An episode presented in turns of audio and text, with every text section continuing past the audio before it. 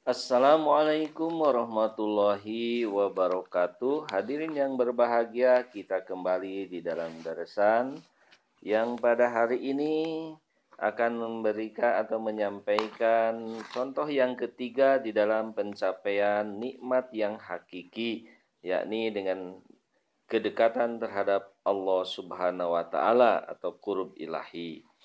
Pada kesempatan ini akan disampaikan uh, tentang bagaimana mencapai tujuan hidup uh, manusia yang sebenarnya. Ya, yang disampaikan ini oleh Imam Mahdi dan Isa Al-Masih yang dijanjikan di akhir zaman ini. Ya, yakni beliau adalah Mirza Gulam Ahmad alaihissalam. Nah, mungkin eh, bagi be, be, sebagian orang mendengar uh, Mirza Gulam Ahmad ini uh, agak asing ya siapa? Dan Imam Mahdi kok sudah datang? Karena sebagian orang berpendapat Imam Mahdi kan satu hari sebelum kiamat katanya datangnya. Uh, dan banyak versi-versi hadis yang lain-lainnya ya. Jadi ya satu hari sebelum kiamat ya kalau dibilang iya ya iya gitu karena perhitungan Allah Ta'ala satu hari bagi manusia itu seribu tahun. Gitu ya. Jadi seribu tahun bagi perhitungan manusia. Jadi sekarang kan misi Imam Mahdi ini baru 100 tahun lebih. gitu.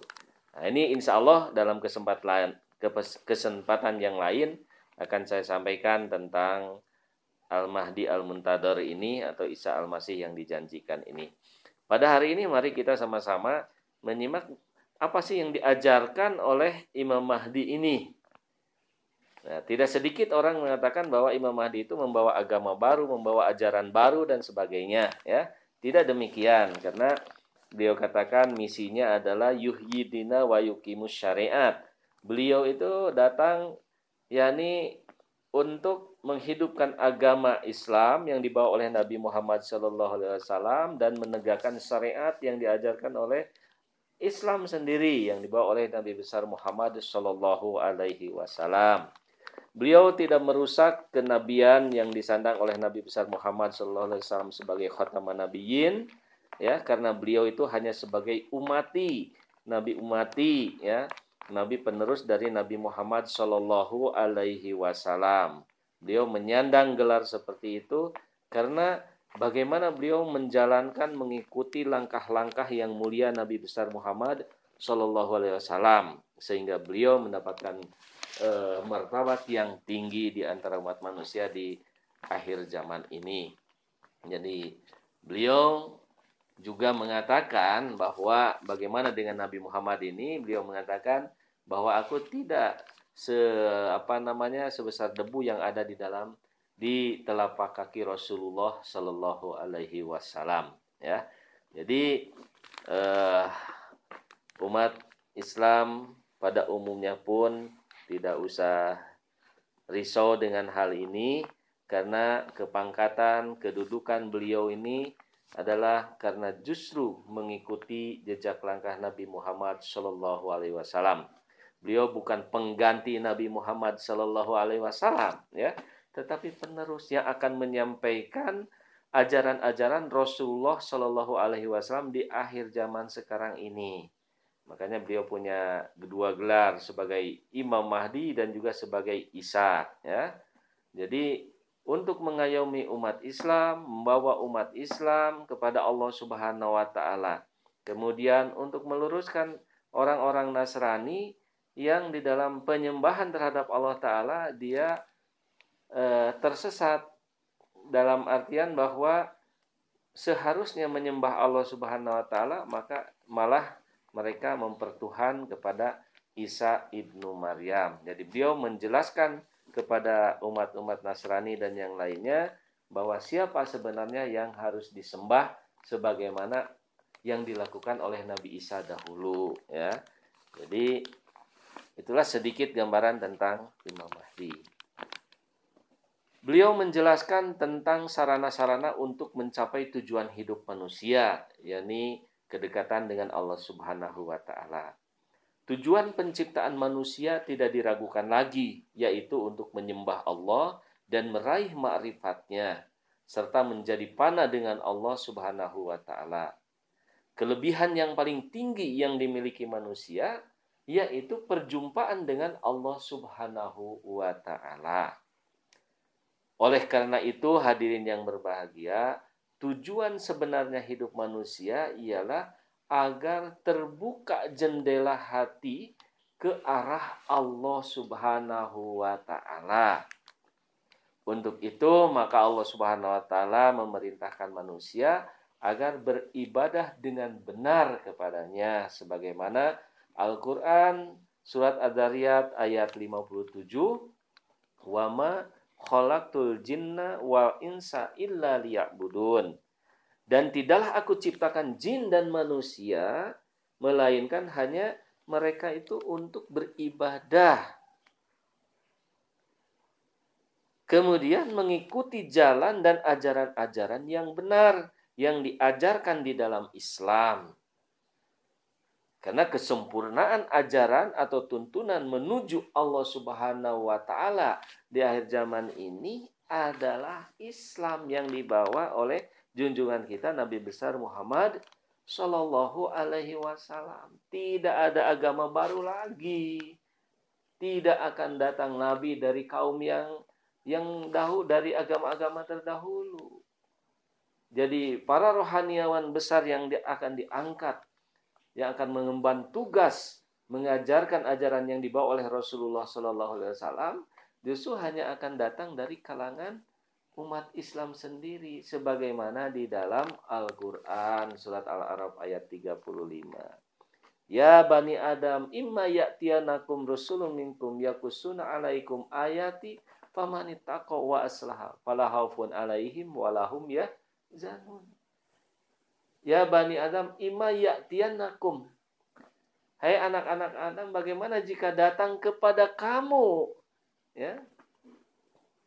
Rusulum minkum utusan-utusan Allah dari antara kamu sendiri. Jadi ayat ini menjelaskan bahwa akan datang utusan-utusan Allah dari kalangan umat Islam sendiri yang akan mengajarkan. Yakusuna alaikum ayati yang akan mengajarkan ayat-ayat Allah Subhanahu wa taala. Nah, jadi Imam Mahdi juga mengajarkan tentang itu. Nah, jadi Islam sesungguhnya agama yang sudah luar biasa, yang sudah sempurna. Di dalam surat Al-Maidah dikatakan, Al-yauma akmaltu lakum dinakum wa atmantu alaikum nikmati wa raditu lakum Islam Madinah. Ya, jadi sudah sempurna, tidak akan ada agama baru lagi, ya, tidak akan ada syahadat baru, tidak akan ada kiblat baru, ya, tidak akan ada Quran baru, ya. Semua yang datang dari dari kalangan umat Islam itu akan mengajarkan Islam. Jadi tadi Al-Mahdi Al-Muntador, Isa Al-Masih yang datang pun nantinya hanya akan mengajarkan ajaran yang dibawa oleh Rasulullah Sallallahu Alaihi Wasallam sebagai kenyataannya yang mendakwakan diri sebagai Imam Mahdi di akhir zaman ini yakni Mirza Ghulam Ahmad ini dasar yang menjadi pelajaran bagi umat Islam semuanya ada di dalam uh, Islam ya ini ada dalam Al-Quran atau tidak terlepas dari apa yang dibawa oleh Nabi Muhammad Shallallahu Alaihi Wasallam. Nah, maka beliau juga menerangkan bahwa sarana untuk pencapaian hidup yang sebenarnya itu ya hanya yang jadi jalannya itu adalah Islam. Sesungguhnya agama di sisi Allah adalah agama Islam ya.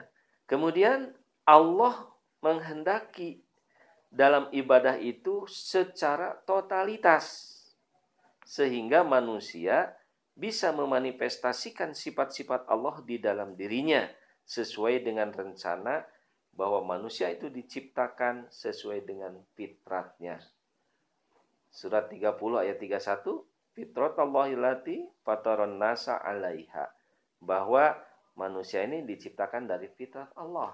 Rasulullah Shallallahu Alaihi Wasallam bersabda, Mamin mauludin illa yuladu alal fitrah. Jadi setiap manusia dilahirkan itu dalam keadaan fitrah. Jadi seburuk-buruknya manusia hadirin yang berbahagia. seorang pencuri yang ulung, ya, kadang-kadang kita mendengar cerita bahwa mereka juga membayar canda. Dalam artinya membayar infak fisabilillah. Membayar zakat dan sebagainya.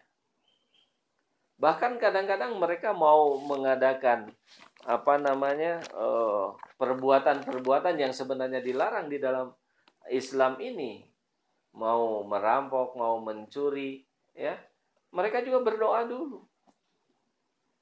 Bahkan ketika mereka dikejar oleh masa, kemudian dia lolos dari kejaran itu, mereka juga mengucapkan alhamdulillah aku tidak didapat, aku tidak bisa ditangkap.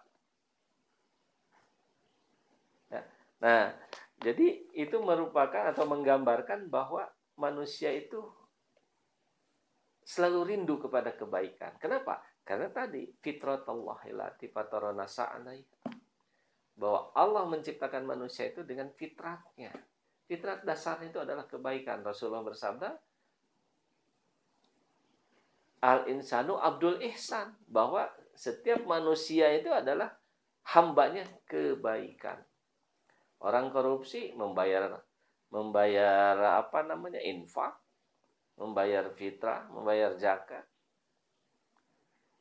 Hasil dari korupsi mereka diminta untuk membangun masjid, mereka mengeluarkan. Karena itu ada cara untuk menyelamatkan diri menurut pendapat dia.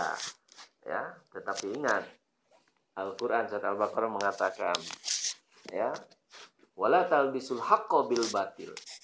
Jadi janganlah mencampurkan kebenaran dengan kebatilan. Dan Allah tidak akan menerima pengorbanan-pengorbanan yang tercampur dengan kebatilan. Allah hanya akan menerima pengorbanan-pengorbanan yang dihasilkan dengan cara halal. Biar sedikit, tetapi benar-benar mendapatkannya dengan cara halal. Ingat saudara-saudara satu eh, cerita dalam film ya, Raden Said yang menjadi Sunan Kalijaga. Sebelum beliau menjadi seorang wali itu kan beliau suka mencuri. Jadi beliau dengan belas kasihan terhadap rakyatnya pada waktu itu yang uh, musibah kemiskinan ya pada saat itu. Dan di satu sisi dia melihat bagaimana gemerlapnya orang-orang yang ada di dalam kerajaan. Sehingga akhirnya dia menyimpulkan wah ini harus diambil. Dia mencuri. Hasil curiannya dikemanakan? Dibagikan kepada fakir miskin. Karena menurut pendapat dia pada saat itu itu adalah yang terbaik tetapi ternyata suatu kali dia bertemu dengan seorang guru, seorang wali yang menjadi gurunya, dan dia bertanya, kalau mencuci itu tujuannya untuk apa? Ya mencuci untuk supaya yang dicuci itu bersih. Misalkan pakaian kita kotor mau dicuci ya, cuci dengan air supaya bersih. Lalu sang guru bertanya, bagaimana kalau mencucinya dengan air kencing? Ya pasti kotor. Nah, begitu juga di dalam hal praktek kebaikan ini bersedekah, berinfak dan lain-lainnya. Sama seperti mencuci tapi pakai air kencing. Jadi tidak bisa bersih-bersih sampai kapan pun. Nah, dia merenungkan apa yang disampaikan oleh calon sang guru ini. Ya, Sunan Ampel Akhirnya dia bertobat dan akhirnya dia menjadi muridnya.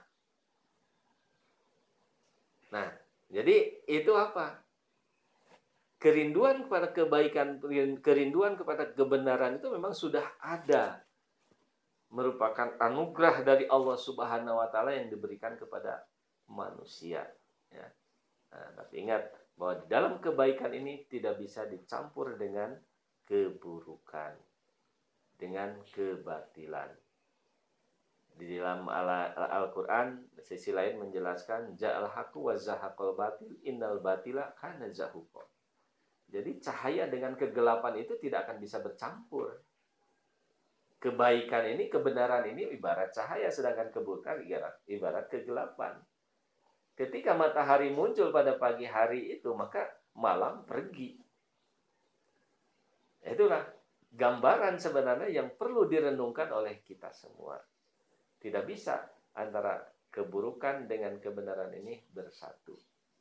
Nah, jadi hadirin yang berbahagia, itulah yang disampaikan di antaranya oleh adat Imam Mahdi salam ya sebagai awal sebelum dijelaskan tentang sarana-sarana untuk mencapai tujuan hidup manusia. Untuk pagi ini saya kira cukupkan sekian dulu. Insya Allah bersambung lagi di hari berikutnya. Wabillahi taufiq wal hidayah. Wassalamualaikum warahmatullahi wabarakatuh.